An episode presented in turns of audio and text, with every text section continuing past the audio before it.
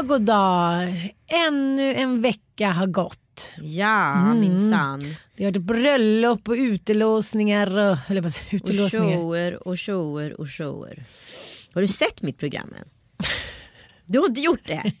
Jo, jag har sett, mi- Skap jag har sett minikini-inslag. Nej, du har sett det jag lagt upp på Instagram.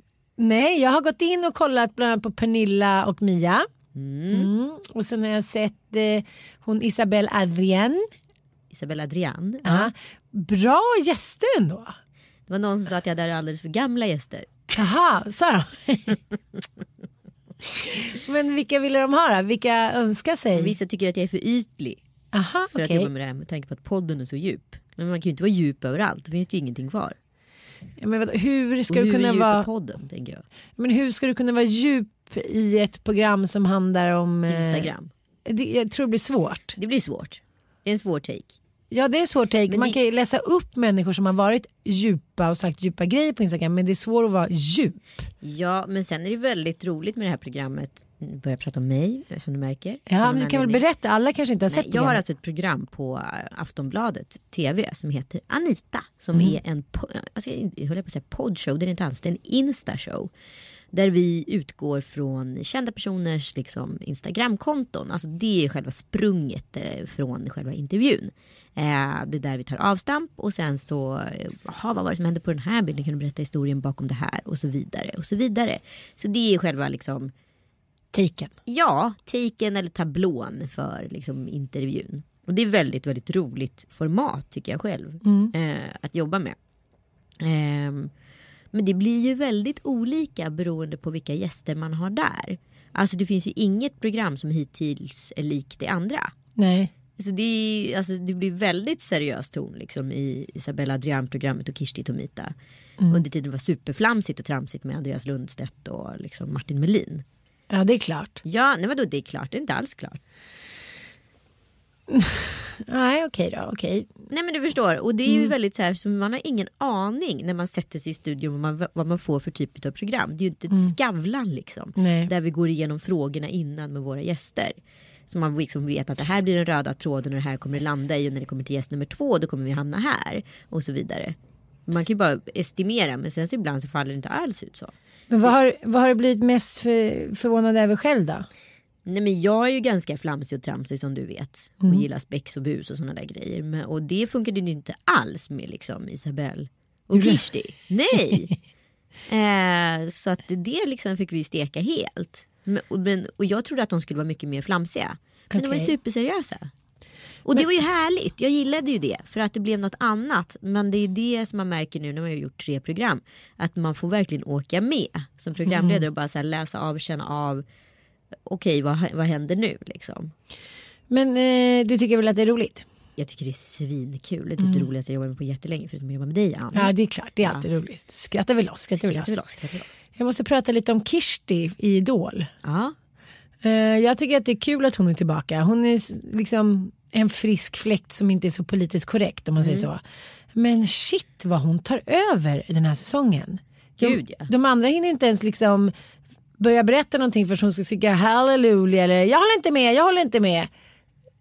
Producenten, någon? Nej? nej, nej jag har ingen aning. Jag, jag har faktiskt bara sett två avsnitt av Idol. Den Ja. här säsongen. Så att eh, vi har liksom ingen, vi håller mitt i en flytt som du vet. Jo jag vet. Jag Fan, vet, vet den här flytten känns som den har pågått ett Ja, du sa så här, gud nu är vi snart klara och då ville du att jag skulle berömma så här, gud vad duktigt. Men jag tycker också att det känns som att den har hållit på länge. Men det kanske inte har det. Nej men det är mer att man så här, du vet innan man flyttar så ska man packa. Ja. Ja, du vet, vet hur, hur det funkar. Och i och med att vi inte liksom använt någon flyttfirma den här gången utan gjort liksom 99 procent, eller nej nu ljuger jag, men 90 procent själv. Har? Ja, ja, ja visst. Vi har haft bra. en, en gång har vi liksom haft några som har kört stora lasset liksom med sängar och sånt som man kanske inte kan ta själv. Och burit upp och fixat. Men resten har vi ju fixat själva. Så det är en väldigt mycket mer köttig, verklig flytt denna gång än tidigare. Men hur kommer sig det här? Vill du spara pengar eller vill du bara köra en ny stil med Joel? Nej, både och liksom. Han, vi har ju inte samma ekonomi liksom såklart. Nej, så, nej. Att, så då handlar det ju om att liksom landa någonstans i mitten som funkar för båda. Annars är det så här, om jag vill köra en glassflytt då är det ju bara att göra det. Liksom. Mm. Men det är ju inte så himla kul heller. Alltså, det är ju båda som flyttar in. Han kom ju med sitt bohag liksom in. Sen skulle vi rensa. Jag rensade inte speciellt mycket när jag flyttade från Grev Turegatan till till, eh, va- till Just det, Vallavägen. den där lägenheten på Grev Turegatan, Mm, den är jag helt förträngt. Nej men var så att det var konstig. väldigt mycket rens. Den var det, konstig. Det var konstigt. Den var konstig den lägenheten. Den var konstig. Det var lite som att komma in på ett hotellrum. Ja, Och så gick man ut igen. och så gick man ut igen. Man kan aldrig fått någon känsla av kärlek för den lägenheten. Nej det var död. Ja, för när jag kom in i din lägenhet som ni har köpt nu. Ja. Då kände man ju så här, här vill jag vara, här vill jag älska, leva och bo. Ja men här, här vill man aldrig gå hemifrån. Nej, Nej alltså jag vill aldrig gå Nej hemifrån. den är härlig och ljus. Den var ju bara så här, jaha. Nej jag vet inte. Den, det liksom, kändes som att den var insprängd i ett bergrum. ja, den åt lite upp en, den var lite som mossa som la sig på en. Ja. Nej den var konstig. Det var flott adress dock. Väldigt flott adress. Mm. Men inte så flott ändå. Med tanke på att det var typ så här kräks. Det var ju så här promenadstråket ner till alla barer. Liksom. Så det var ju så här kräks och piss precis i så här dörren varje morgon man skulle gå ut på helgen och Var typ köpa frukost till barnen. Och bara, eh, mys. Ja. Men, men. Äh, hej hej, Hej, hej. mys. Nej, men så jag rensade aldrig riktigt då. Utan det var liksom bara en akutflytt som bara pff, du Mm. vet, trycktes in. Liksom. Plus att vi bodde i byggkaos och alltihopa. Men nu har jag ju rensat. Det har Mm. rensats och det har rensats och det har åkt till Myrorna och det har åkt till återvinningen och hej och Ska jag åka och titta om du har lämnat det på myren? Och, och idag, vet du vad jag har gjort?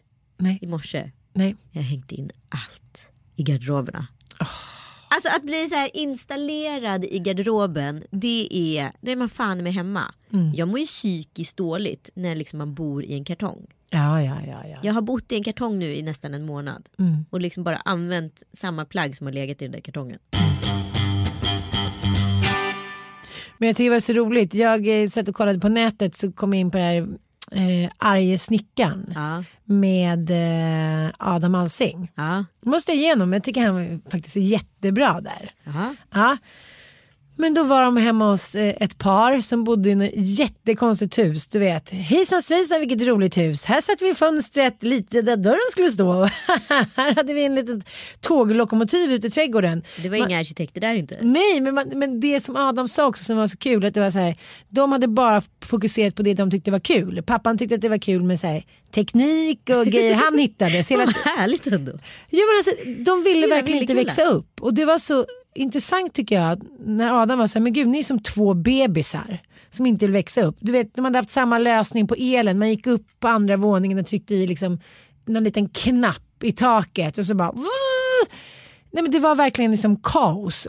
Och hela deras liksom, hur de först då ville så här, ställa in sig själva som så här, sköna chimärer som var så här, oj vi har, tåg, vi har tågräls och gungor och fönstret i, liksom, i taket. och sen så, så här, när de visste när de klädde av dem liksom lager för lager att så här, det handlar om att ni skyller på allt annat, att ni inte har tid. För det var det enda de sa. Ja. Jag har inte tid för det och jag väver och jag lär. v- v- v." Just att det handlar om att prioritera. Att det, är så här, det här med att man ska säga som alla säger med träning. Jag har inte tid. Jag, skulle, jag säger att jag inte har tid. Men jag skulle ju kunna gå upp klockan fem och gå iväg och träna. Det är klart du skulle. Alltså, så här, det finns ju alltid tid. Vi lever liksom i den moderna jag världen av världen. Kanske om man bor i så Bangladesh och har 200 barn att försörja. Kanske inte går till gymmet heller. Nej men förstår du vad jag menar? Då kan man kanske skylla på tid eller att det inte finns något gym. Men, men eh, det här att nej jag känner mig inte hundra. Och, ah, jag tyckte bara att det var så roligt de så här, ruta för ruta i den här serien så här, blev mer och mer avklädda och skämdes mer och mer. Så ja, de var två jättebebisar som inte ville ta ansvar men ändå ville ha ett hem och två barn. Liksom. Ja. Och där ligger sanningen ganska ofta att så här, man vill inte någonting. Nej, eller man liksom väljer bort att prioritera det som är Som sätter standard, relevant. någorlunda fräsch standard. Det är som många i sin relation tycker jag säger. Det funkar inte mellan oss för det är så och så och så och så. Ja men det är bara för att antingen vill en eller båda två inte steppa upp. Det är skönt att ha lite geggigt för då behöver man heller inte ta ansvar för relationen för då kan man bara skylla på den andra. Det är den andres fel att, att barnen är så, den andres att det är så. Jag tycker det är så osexigt. Ja, det är så otroligt Ja. Mm. Och liksom hela tiden det här skuldbeläggandet av den andra och inte se till, se till sin egen roll. Jag menar, Mm grundläggande handlar ju liksom en bra relation om att så här, båda antingen gör superrätt, vilket ingen gör någonsin. Nej. Eller gör superfel. Men då kan man inte sitta och så här, bara skuldbelägga den andra. Bara, "Nej, för att hon var si eller han var så. Och sen så när det lite passar en så byter man lite så här, vinkel Precis, ja, där. ja, och då byter man lite sida också. Så här, nu passar det mig att jag ska vara lite sådär för nu har jag själv varit lite så här, kanske inte riktigt skött mig. Så då, men då då kan jag tycka så här, gud vad hen var bra. Det, nej, jag tycker det är otroligt osexigt när man inte vill ta ansvar för sin kärlek eller sin relation. Jag håller på att researcha nu för eh, mitt tv-program om tantra sex. Ja, vad spännande. Ja men det är faktiskt skitspännande. Åh, Och- du ska gå på en sån här kurs med Maxine Björk.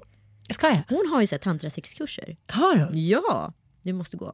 Gud vad roligt. För det som händer när man har liksom fått barn och inte liksom riktigt har tid att hitta tillbaka till sexualiteten det är att man vill skylla på den andra. Och det kommer för fort och du bryr dig inte om mig, du går inte ner, nej, nej, nej, nej. Men just tantrasexet går ju mycket ut på att men ta ansvar för ditt eget sexliv. Om du inte är nöjd, så här, lös det. Pullerulla, gör Ah. något. liksom. Fan, Jag vet inte ens hur det ser ut där nere.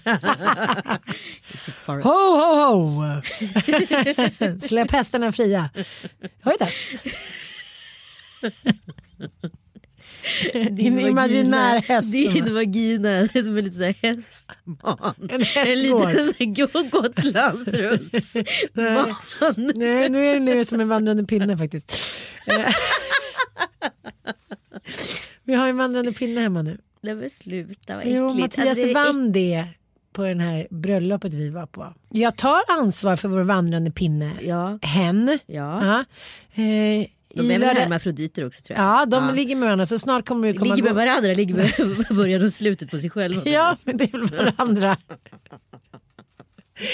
Jag hade allsköns små insektsdjur när jag var liten och eh, kommer ihåg att min pappa skrek mitt i natten. Då hade vandrande pinnen rymt och gick på hans mage. Nej, fy fan, vad äckligt. Men Mattias eh, vann i alla fall en vandrande pinne. Eh, på, liksom det var som en, ja vad ska man säga, bingo. I lördagens bröllop man kunde vinna Anja och Marcus gamla kläder och den här vandrande pinnen. Det skulle ju vara ironiskt. Ja. Mm. Och eh, sen på natten när vi skulle gå till vårt hotellrum då tyckte vi plötsligt att det var lite roligt att vi hade med oss Erik Haag som jag döpte honom till då, lördagsnatt. Men det heter han inte längre. Nej, Nej, nu har Bobo döpt honom till Apan. apan. Ja. Ja. det blir rimligt. Ungefär som Tom Allans höna uppe i Gävle som heter Rasmus. Just det. Men nu har vi liksom ansvar för en till Apan. människa, att säga, för apan. Och vi satt... ni har ju inte, ni är inte så många er från Nej precis, men han tycker, Bobo tyckte att det här var jättekul såklart. Tänk när alla i dina barn ska skaffa varsitt husdjur. Nej det kommer inte hända. Vi hade, vi hade Stevie och då var jag så stressad när Stevie rymde hela Vem tiden. är Stevie? Det var vår minihamster. Stevie Wonder. Jag kommer ihåg att jag var på bokmässan i Göteborg och eh, Stevie hade rymt. Jag mådde så psykiskt dåligt. Jag kunde liksom inte slappna av. Jag så här, ringde hela tiden. Så här, jag har gått med Stevie, jag har gått med Stevie. Sen en sen kväll där på bokmässan då fick jag en bild. Då satt Stevie så här, helt uttorkad men med ett stort popcorn i munnen. Bakom soffan så här. Stevie var tillbaka. Du Men känns nu- inte som en husdjursmänniska. Men jag har haft massa husdjur men, men jag, jag klarar ju inte av att de ska sitta inne i Nej, bur. du vill släppa ut dem. Ja, Ja, och så du- är ju Elon också min son. Ja, men då blir det som så iller, det är så kontraproduktivt. Så släpper du ut dem och så dör de. Jag vet, jag Mm. vet. Eh, Eller mm, inte fyller på fiskarnas vatten och så här. Har du sett en död guppy någon gång? Nej, nej. Ja, inte så trevlig syn. Hur som helst har vi vandrande pinne så vi är tvungna att ta hand om den här. vi, är tvungna att ta hand, vi är tvungna att ta hand om apan nu. Ja. Så nu är det så här, Mattias blir så arg att jag har i fel sallad och den ska fuktas. Det är ett himla halabaloo. Är den där lilla pinnen? Ja, och... och, den gör ju absolut ingenting. Det är det nej! tråkigaste husdjur man kan ha. Men varför ska man ha det Jag husdjuret? förstår Förlåt inte. pinnen. Jag förstår inte. Men alltså det är bur till, den är jättefin och lite sån här Min andningsplats. mardröm är att mina barn ska vilja ha husdjur. Jag har ju haft husdjur hela livet. Låt dem aldrig få reda på det. Alltså jag har ju haft katter, och hundar och hästar Mm. och hamstrar och sandekorrar och allt vad fan det nu är. Fiskar, hej och hå. Jag vill inte att mina barn ska ha Men är inte det en lite mer en hemma hos sin pappa. 80-tals-take? Är det inte lite mer det? Alltså förstår jag menar att, att det var så himla mycket husdjur och fiskar och De det har är en inte hund hos sin pappa, det är perfekt. Jag tycker det är en perfekt lösning. Ja, en eller två. En. Men det är också så här, när man har så himla mycket som du har att det också skulle in ett djur. En man hund som man ska ut på helgerna. Alltså nej, det går inte. Men kan vi prata lite om att jag var på bröllop där det var Ja. brudens eh, kompisar var väldigt unga. Mm. Och jag bara tänkte här med allt de hade gjort, de kan inte ha jobbat senaste två månaderna. Alltså förstår man, det, det är sån entusiasm. Mm. Och så tänker jag själv när min syrra gifte sig när jag var ungefär samma ålder. På och skrev tal och hyrde utklädnings, liksom dräkter, klädde ut mig till gorilla. Och, men, det var galenskap hur mycket jag höll på. Och nu vill jag bara här, ringa någon och säga så här, fixa mitt bröllop. Det ska vara så här, snyggt. Vad gör det? Vad fixar det? Det var helt opersonligt. Men bara fixa något trevligt. Det var trevligt. Men nu måste jag faktiskt bara berätta om helgens hjälte. Ja, berätta. Ja, jag tycker faktiskt det. Jag, eh, vi skulle ju haft eh, vår vanliga barntjej men så kunde inte hon och sen så blev det, åh gud snart är bröllopet hit och dit. Och sen så frågade vi då eh, Lotta och Magnus som alltid ställer upp. Mm, då, skulle, då säger jag så här, nej men ni, kan Bobo vara hos er? Ah, mm. Och sen så fick ju de höra att vi eh, hade anlitat då en, en barnvakt en, från Hemfri. Det blir ju ganska dyrt liksom. Mm. Så de var så här, men vi, tar- vi tar båda två. Jag bara, men, Gud, ni har ju typ fyra barn själv och en katt. Och, och, och. Nej men det skulle de göra. Så kom vi dit och på, fredag, eh, på lördagen superstressade. Okej, okay, Okej hej då alla skrek och hit och dit bla bla bla. Sen på söndagen så får jag eh, ett sms eh, från Magnus. Ja, är ni på gång liksom? Och så här, ja, men då var klockan kanske halv ett. Så då köpte vi med oss mat och så kommer vi hem. Då är Magnus själv. Då säger jag så här, men vad, har du, vad, vad är Lotta då? Nej hon blev inkallad igår men vi vill inte säga någonting. Sen alltså, tagit hand om 11 månaders Frasse som har vaknat en gång per timme och fem till barn. Herre. För att han ville inte att vi skulle säga någonting för att det skulle förstöra vår kväll då. Att, att, att vi skulle behöva hitta någon annan. Så att han var ju, han bara vaknar han en gång i timmen eller som han gjorde en natt. Jag bara, eh, ja, eh. det är ändå starkt tycker jag. Åh herregud. ja. Ja. Så Magnus Kågström, I love you. Hur var talen? Talen, eh, men de var bra, de var jättebra. Eh, det är alltid roligare när människor har känt varandra länge i prekära situationer, till exempel pluggat ihop. Ja. Som hans skånska kompis som han har pluggat ihop med, Gunnar. Ja. Han var ju riktigt rolig. Och de hade också plockat fram när Marcus var med i Melodifestivalen.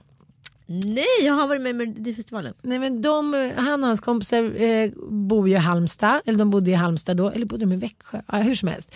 Eh, Melodifestivalen kommer dit och Afrodite, du vet, Ja. Gladys Pilar. Ja. Ja. De behövde några snygga bakgrundskillar Nej, vad roligt. och då få tips om Marcus och hans två kompisar.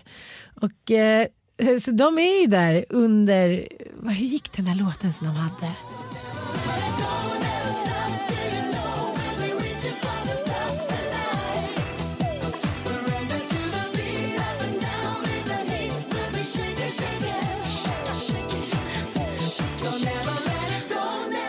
Ja den var det. Och de var ju så stekta och nervösa. De var så småstadskillar som liksom såg bra ut. Så de hade ju suttit och värmt hela dagen för att de skulle våga gå ut på scenen. Så de är ju så tankade. Nej, du skojar. Så de står ju så här helt stilla. De är ju rädda för att Radiostyrda. ramla ihop. Ja. Och liksom du vet helt uttryckslösa. Och, och Blossom dansar runt där och de dansar runt. Och de, eh, sånt blir också väldigt väldigt roligt. Väldigt roligt. Ja, men, men eh, så det, det är skillnad också när man är liksom ung och lite äldre på talen. Ja, okej. Och vad är bästa? Nej men jag tycker så här, eh, Anjas kompisar var ju lite yngre som hon, runt så här 29-30. De talen är mycket mer kärleksfulla. Man har ganska nyligen kanske blivit kompisar. och Man är som, ja, men som man blir i vissa vänner, man blir lite småförälskad. Ja, ja. Så det blir, allting är super, det är bara superlativ. Det finns liksom inga historier om när de har gjort någonting dumt tillsammans. Förstår du vad jag menar? Medan eh, ja, men killar 40 Ja. sen som har gått igenom liksom ett helt liv tillsammans. Jag tycker att det är roligare för att det blir liksom lite tass, inte taskigare men det blir lite mer så här. Men ska vi prata om ett bra tal? Ja det kan vi göra. Det ja, kan vi men göra. det finns ju en sån här, det finns en sån rolig brittisk sägning. You, you stand up to be seen, you speak loud to be heard, you shut up to be popular. Ja, den är bra. Den är bra. Ja, Den ska man egentligen inleda varje tal med. precis. Men det är alltid de här tre minuters dit som aldrig följs så. Nej men okej men vi släpper tre minuters regeln då. Alltså, för nu har jag ju varit på några fester. Och med risk för att repetera mig själv eftersom min hjärna inte är helt med i matchen eftersom jag har jobbat så jävla mycket. Så kan jag ha pratat om det här tidigare. Men jag har varit på några riktigt bra fester. Där typ tre, fyra tal har sabbat hela festen. Ett, för att de pågår för länge. Två, för att de är för interna. Tre, för att talaren levererar ett så fruktansvärt dåligt tal som är alldeles för personligt så ingen annan människa förutom den som blir talad till kan relatera till det som sägs. Mm, nej men det går ju inte. Nej det går ju inte. Mm. Ja, och så vidare. Så jag undrar så här, vad är ingredienserna för ett bra tal? Ann Söderlund som ändå har levererat ett och annat dåligt tal i sina dagar. Men också ett annat bra tal i sina dagar. Precis, jag har varit väldigt ojämn där som många andra ställen här i livet. Nej men så här tycker jag.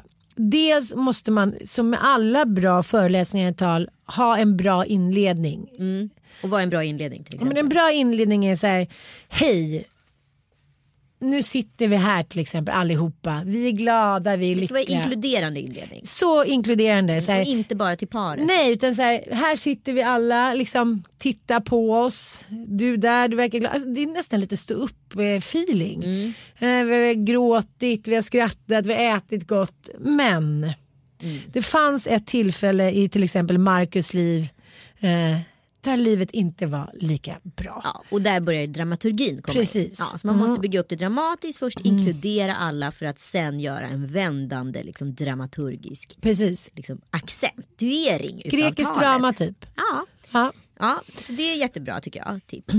Mm, det är ett jättebra tips. Sen måste man ju liksom det behöver inte vara att det är någonting pinsamt eller att den andra har gjort bort sig eller hit och dit. Men det måste vara en situation i livet där det är så här, som både den man talar till eh, minns och den, de som sitter där Ska det vara en nyhet för? Precis. Mm. Och det kan, också, det kan vara en nyhet som i det här fallet då som eh, de berättade om, eller som en av talarna berättade om det här med Afrodite att de hade varit bakgrundsdansare och då fått fram filmen Mm. Det är fantastiskt. och eh, Blossom som höll ett tal där, jag kommer ihåg du var riktigt snygg och bla bla Ja, bla. man får tag i henne också. Man vet, ja, Det är precis. lyxigt, men det är väldigt lyxigt. Det är väldigt lyxigt. Ja. Men, men det Men handlar om... annars ska det handla om att här, inkludera och fram, faktiskt få alla att uppleva att de får en nyhet Mm. men samtidigt känner till den här personen. Sen tycker jag en annan viktig grej i tal det är att man också inkluderar den andra partnern. Om du nu är min kompis. Mm. Så om du skulle hålla tal till mig och Joel så måste du få in Joel på något Ja. Mm. hörn. Liksom, Som inte känns krystat. Ja. För det som, som är problemet tycker jag ofta är att det är också många talare som hellre vill prata om sig själva än den de talar Det till. där är väldigt fascinerande. Sin egen historia. Men, men, det är inte din Mm. show nu. Så här känner jag och har inte jag varit bra för dig. Alltså vi säger plussa sig själv.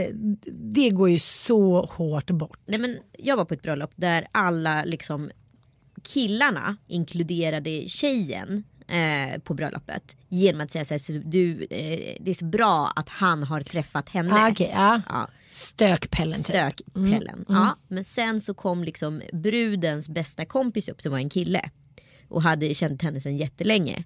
Och han var så här, alla säger här ikväll att det är så himla bra att han har träffat just dig till sin kompis sin tjejkompis. Men det är väldigt bra att hon har träffat honom och sen levererar han ett sånt jävla håll käften-tal där liksom han rabblade upp alla hennes gamla så här småstadsfadäser på ett väldigt, väldigt bjussigt och roligt sätt.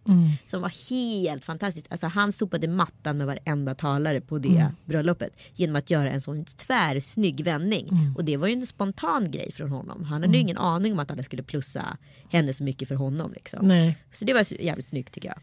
Men A och O är ju Snygga vändningar. tyvärr ja, snygga vändningar. Bra dramaturgi. Eh, inkluderande inledning, Mm. snygga vändningar, roligt, bra dramaturgi. Eh, Man behöver inte ha världens mest avancerade bildspel. Nej, man behöver inte ha en enda bild men det är klart att det är roligt om man får se en så här, särskilt om människan liksom, i fråga har förändrats väldigt mycket. Det är roligt. Men det finns också en annan grej som är superonödig. Så jag var på ett bröllop där det, liksom, det var inhyrt någon jävla rekvisita som hade tagit liksom, den här personen år och dag att få tag i. Och sen så när, bröll- när, när talet väl hölls då var det bara så här, jaha, vad var det där för konstig grej som dök upp på scen? Och eh, personen Ja. i fråga berättade hur svårt det hade varit att få tag i den här rekvisitan. Mm, Och man bara så här, ja, nej men det var ju inte riktigt det som var poängen med talet. Men nu Mm. har du byggt upp hela talet på den här rekvisitan och så föll det platt. Då, är, då kan man steka Det är en rekvisitan. klassiker. Kill your darlings. Ja, ja. Och så här, att det är också ett sätt att ta till när man inte riktigt förberedd. Så här. Ja, titta på grannlåten istället. Exakt. Mm. Men sen så älskar man ju också det där som Gunnar hette en av Marcus barndomsvänner som höll så otroligt härligt tal. Men du vet det här through thick and thin. Att det har varit liksom jobbigt för mig och jag har, du har alltid funnits där och även din familj och Mm. din brorsa. Liksom, look at you guys. Typ, så här. Man plussar liksom hela jävla släkten tillbaka. Man känner sig som så här, en klan som har lyckats. Förstår? Man vill ju känna sig lyckad den här kvällen trots sina fadäser. Liksom. Ja, ja visst. Och man också så här, får en liten så här, skärva av, jag menar, liksom, vad ska man säga, av någonting som har varit jobbigt eller ja, i den andra människans liv. Att den inte bara framstår som så här, och titta du är snygg ikväll och du sitter i en klänning. Och så här, men det har funnits tider, ja, det var underbart att vi hade varandra. Man vill ju både ha liksom hjärta, smärta, skratt och fnatt. Exakt. Ha?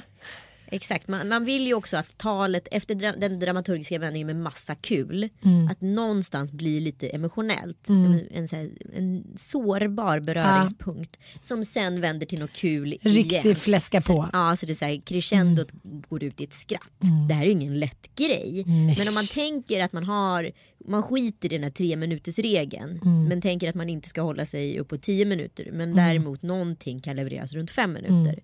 Då är det bra. Tänk i att man tar bort all rekvisita. Behövs det rekvisita, typ bildspel eller musik eller någon typ av attribut. Då kan man lägga på det. Men i grunden tänka att man ska skriva ett personligt, roligt tal med dramaturgi, hjärta, smärta, skratt.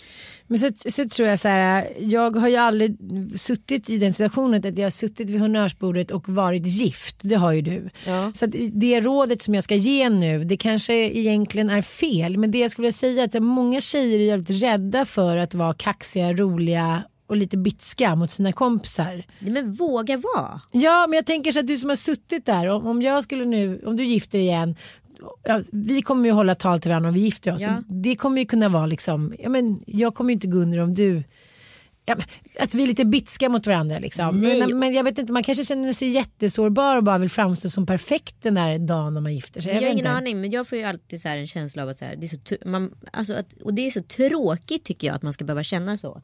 Att åh nej nu kommer tärntalen. Och så går alla tärnorna upp tillsammans, är supernervösa, jättefnissiga. Och sen så vad heter det river de av någonting alldeles för fort eller alldeles för långt och så är de hö- högljudda i ansiktet och så läser de till och så går de och sätter sig.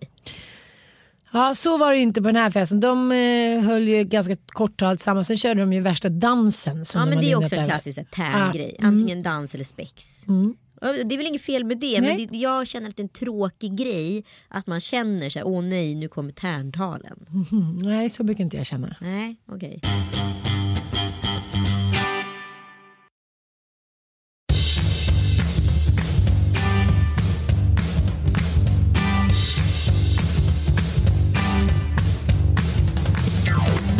Men eh, jag måste bara berätta kort om själva vigseln då. Ja, ja. För att eh, när man eh, har varit på ganska många bröllop så är det inte såklart lika lätt att säga woho! Bli kanske berörd på samma sätt eller känna så här gud vad det här var häftigt på något sätt. Nej. Och jag tycker så här att sitta i en kyrka är ganska svårt för mig. Eh, jag känner mig lite instängd och så här. Men när man har hittat häftiga lokaler då har man liksom halva inne. Då känner jag så här nu öppnade ni allting, liksom, det var ett öppet sinne man säger. Så det här var ju då någon gammal industrilokal där det hängde så här, du vet, gamla kedjor. Wow. Och, eh, det var ett gammalt liksom, bruksmuseum, helt öppet rått med lite lyktor och, nej, men det var superhäftigt. Men jag sa till Mattias innan, ah, jag tror att tiden är liksom förbi när jag gråter på bröllop och sådär. Mm, det tror jag. Mm. Ja, och sen kom Marcus in och så här, vi satt längst fram och eh, skulle då kolla på mig hela tiden. Jag, här, jag har försökt kolla bort. Jag, jag vet inte, men känner du Marcus Wern? Vet du Ah, är? eller väl och väl, Ja, känner nej men du vet, han har en väldigt kärleksfull öppen blick. Ja, men gud ja, han, Ja. det är lite så här gudomligt. Ja, han, ja. han, han har liksom en påverkan på folk. Och så kom Anja in då i sin långa vackra klänning och hit och Hon är så vacker som man dör. Ja, och så, ja men allting var liksom perfekt med blommor och bla bla bla. Och sen ska de då hålla sina tal till varandra. Och det är inte så ofta folk gör det Nej, längre. men jättefin grej. Ja, och jag, jag, jag tänker så här, om man ändå ska stå där och ha valt att ha en ceremoni, då vill man väl säga någonting vackert till den man älskar. Ja. Mm, och då går han loss med sig ett jättelångt tal till henne och typ gråter själv och liksom, nej men du vet, jag bara säger, nej men det här går inte. Så jag satt där, försökte hålla igen, så högt och hålla igen. Nej men ja, så var allt klart och jag tycker ändå liksom att jag har hållit mig ganska bra. Men du vet Mattias blir mer och mer stressad. Han tror att jag ska gå bananas. Vadå gå bananas? Nej, men han har en känsla när vi är någonstans att jag ska ta över Alltså, Det kan jag i och för sig förstå, den känslan jag, lever jag ju ständigt med också. Kan det vara någonting med dig? nej, men jag sa så här, vi sitter på ett bröllop och då ska, ska jag lägga mig ner som en gråterska. Jag bara, Torsten Flink på. Nej, men jag tror att det handlar om både lite så här avundsjuka från, från Mattias sida att han tycker att det är jobbigt att jag får uppmärksamhet. Att jag också tar plats Men du på tar ju den platsen. Ja, men Men så jag kanske... kan känna att det är svinjobbigt på våran show för jag vet inte vad som kommer komma. Och det, jag har det ingen är lite aning. samma sak. Ja, jag har ingen aning om vart det här kommer barka hän. Och då blir ju jag ju liksom tråktanten som sitter med cue-cardsen för att hålla liksom fast till dig på något sätt. För annars kan det bli en Gråterskan, helt- annars kan det bli skratterskan. en helt annan show som inte kommer hänga ihop med bildspelet eller någonting. Liksom. Okej. Så jag fick ingen förståelse här dig. Nej, min Jag blev rygg har så irriterad på honom. Och, och så ser jag plötsligt så, så ställer sig Marcus och tittar på mig i tio sekunder med den där blicken och då var det bara For du runt i kyrkogången och bara Nej grät? det var ingen kyrkogång, det var en öppen lokal. Jag sprang runt i lokalen och grät. Nej jag satt ju där och torkade mina tårar med en liten pappersbit som jag fick av Karo. Summa summarum ett helt fantastiskt bröllop och eh, så mycket kärlek. Nej, men jag var inte jättebakis, grejen är ju att jag ammar fortfarande. Ja. Så att så här, det lägger ju lite sordin på min partystämning att jag så här, en gång i timmen står ensam inne på en toalett och handmjölkar mina brön mot så här, spegel i så här, Nu brukspatronssammanhang. är väl han snart ett år va? Mm. Nu kanske det börjar bli dags. Nu är det slut. Vet du hur många gånger svensken i genomsnitt har sex per år? Tre gånger. Per år. Jag pratar inte om dig Mattias. Jag pratar inte om dig Mattias. Okej då. Okej då. 98 gånger. Nej, men nej, det finns inte en möjlighet. Men det är klart att det finns. Det är ungefär, vad fan blir det? Två gånger i veckan. Ja, fyra gånger per år tänkte jag. Knappt två gånger i veckan. Ja, 1,7 knappt. gånger i veckan. Ja. Och så, så är det. Ja. Och då är det liksom ett snitt av alla. average average. Känns det mycket eller lite? Nej men jag tycker, ja, jag tänker på vårt snitt, ja, det har i och för sig tagit sig lite nu eftersom vi låg i helgen. Ehm, ja, men ja det kanske är ganska normalt. Jag trodde vi låg ännu mindre. Jaha. Ja, Nej, men jag trodde också så här, Joel frågade mig, vad, tror- vad tror jag var? Så här, typ 50 gånger tänkte jag. Mm. Ja. Lät Som en så här, men det är klart att det är mycket mer. Alltså när man Ja. tänker efter. Men du förstår den här medianen, så här, nyligen förälskade tio gånger i veckan. ja, Ja, I rest my case. Ja, Ja. det. Men, men det är ändå härligt. Så jag vet inte, det är ändå så skönt att man så här, har, när man har bockat av den. När man åker iväg på sån där Ja, härlig- check. Ja, ja men check liksom. Det skulle ändå kännas lite så här, han sov vi liksom ensamma för första gången på typ drygt ett år. Då bara, nej fast det blev ingenting. Det hade varit lite tråkigt. Det hade varit tråkigt. Ja. Verkligen. Mm, men ja, Men om vi ja, ska prata så. om eh, att vara lite frigid och hålla igen lite då. Hålla igenandet. För det är Mm. ju det vår fantastiska nobelpristagare i litteratur. Säg vad han heter nu då. Ja men vänta nu då. Han heter ju Kazuo Ishiguro. Ishiguro just det. Det var ett bra val tycker jag. Till skillnad bra val. Förra året Bob Dylan, det, det ställde ju till med en del. Det ställde till Ja. det. Var lite populistiskt också tycker jag. Ja det, det var väl lite så här, kolla vad vi är fräsiga. Ja men det vet det är lite som när man känner Unga att så här, när, fredspriset bara delas ut till så här kreddiga människor. Ja, Och så bara, bara för att Norge vill ha liksom lite famous people coming to Oslo. Jo jag vet men de vill väl så här, de vill bara ha lite in lite rock'n'roll på Nobelfesten och så bara svarade han inte ens. Nej. Alltså vilket jävla antiklimax det Vilket blev. jävla antiklimax. Sara Danius var så besviken. Nej, inte vet jag. Men hur som helst, nu kommer jag tänka på den här fantastiska boken han har skrivit, den här återstoden av dagen. Alltså det är en väldigt stark historia. Om den här battlen som bara servar och servar och tjänar och tjänar och håller igen alla sina känslor eh, på det här, alltså befängda sättet. Men då tänker jag verkligen på så många människor genom historien som har hållit igen. Och jag funderar ändå på om det finns något bra med hålla igenandet. För man tänker så här, du vet när man bråkar och är i affekt och vi är så jävla direkta i vår tid. Ah. Att allting ska liksom här och nu lösas nu, nu, nu. Om inte det ska med det ska inte du med någonsin, nej. Nu ska jag slut nu. Att det är så mycket liksom impulsivitet. Det finns ju något fint i hålla igenandet. Det var lite det vi pratade om förra veckan. Att det finns ju ganska bra grejer i att om man nu tjafsar, faktiskt sova på det över natten så betyder det ingenting dagen efter. Det är ett hålla igenande. Men jag tror också att så många relationer skulle hålla om man bara höll igen lite. Gud ja. Jag tycker att det finns en så här modern, liksom konstig inställning till att så här, men bara för att man kan får man säga det är bara ord. Det betyder ingenting. Jag är så stressad. Nej, men det Jaha. betyder jättemycket, alla de där orden fastnar ju. Vi är inte ett folk av gås. Vi Nej. är inte gåsafolket. Utan vi är människor som så här, har känslor som tar åt oss. Så att när man bara så här, skriker, säger fula grejer oavbrutet, oavbrutet. Till slut så känner man ju heller ingen tillit till den andra människan. När den andra bara så här, tycker att det är okej att öppna sin så här, må lite dåligt ventil och liksom bara så här, spy ut sina dåliga energier. Och det var en känd bloggerska som skrev också eh, på sin blogg att så här, jag har sagt till min, eh, det är hennes exman nu så här, vakna inte upp och lägg din dåliga energi och din skit i mitt knä för jag får gå och bära den i en så här osynlig ryggsäck hela dagen och jag är inte intresserad av det.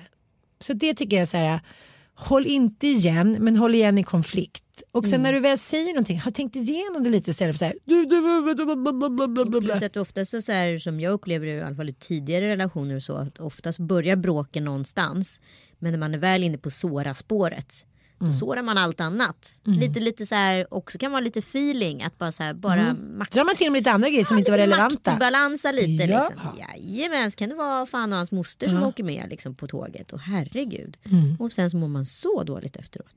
Jag vet.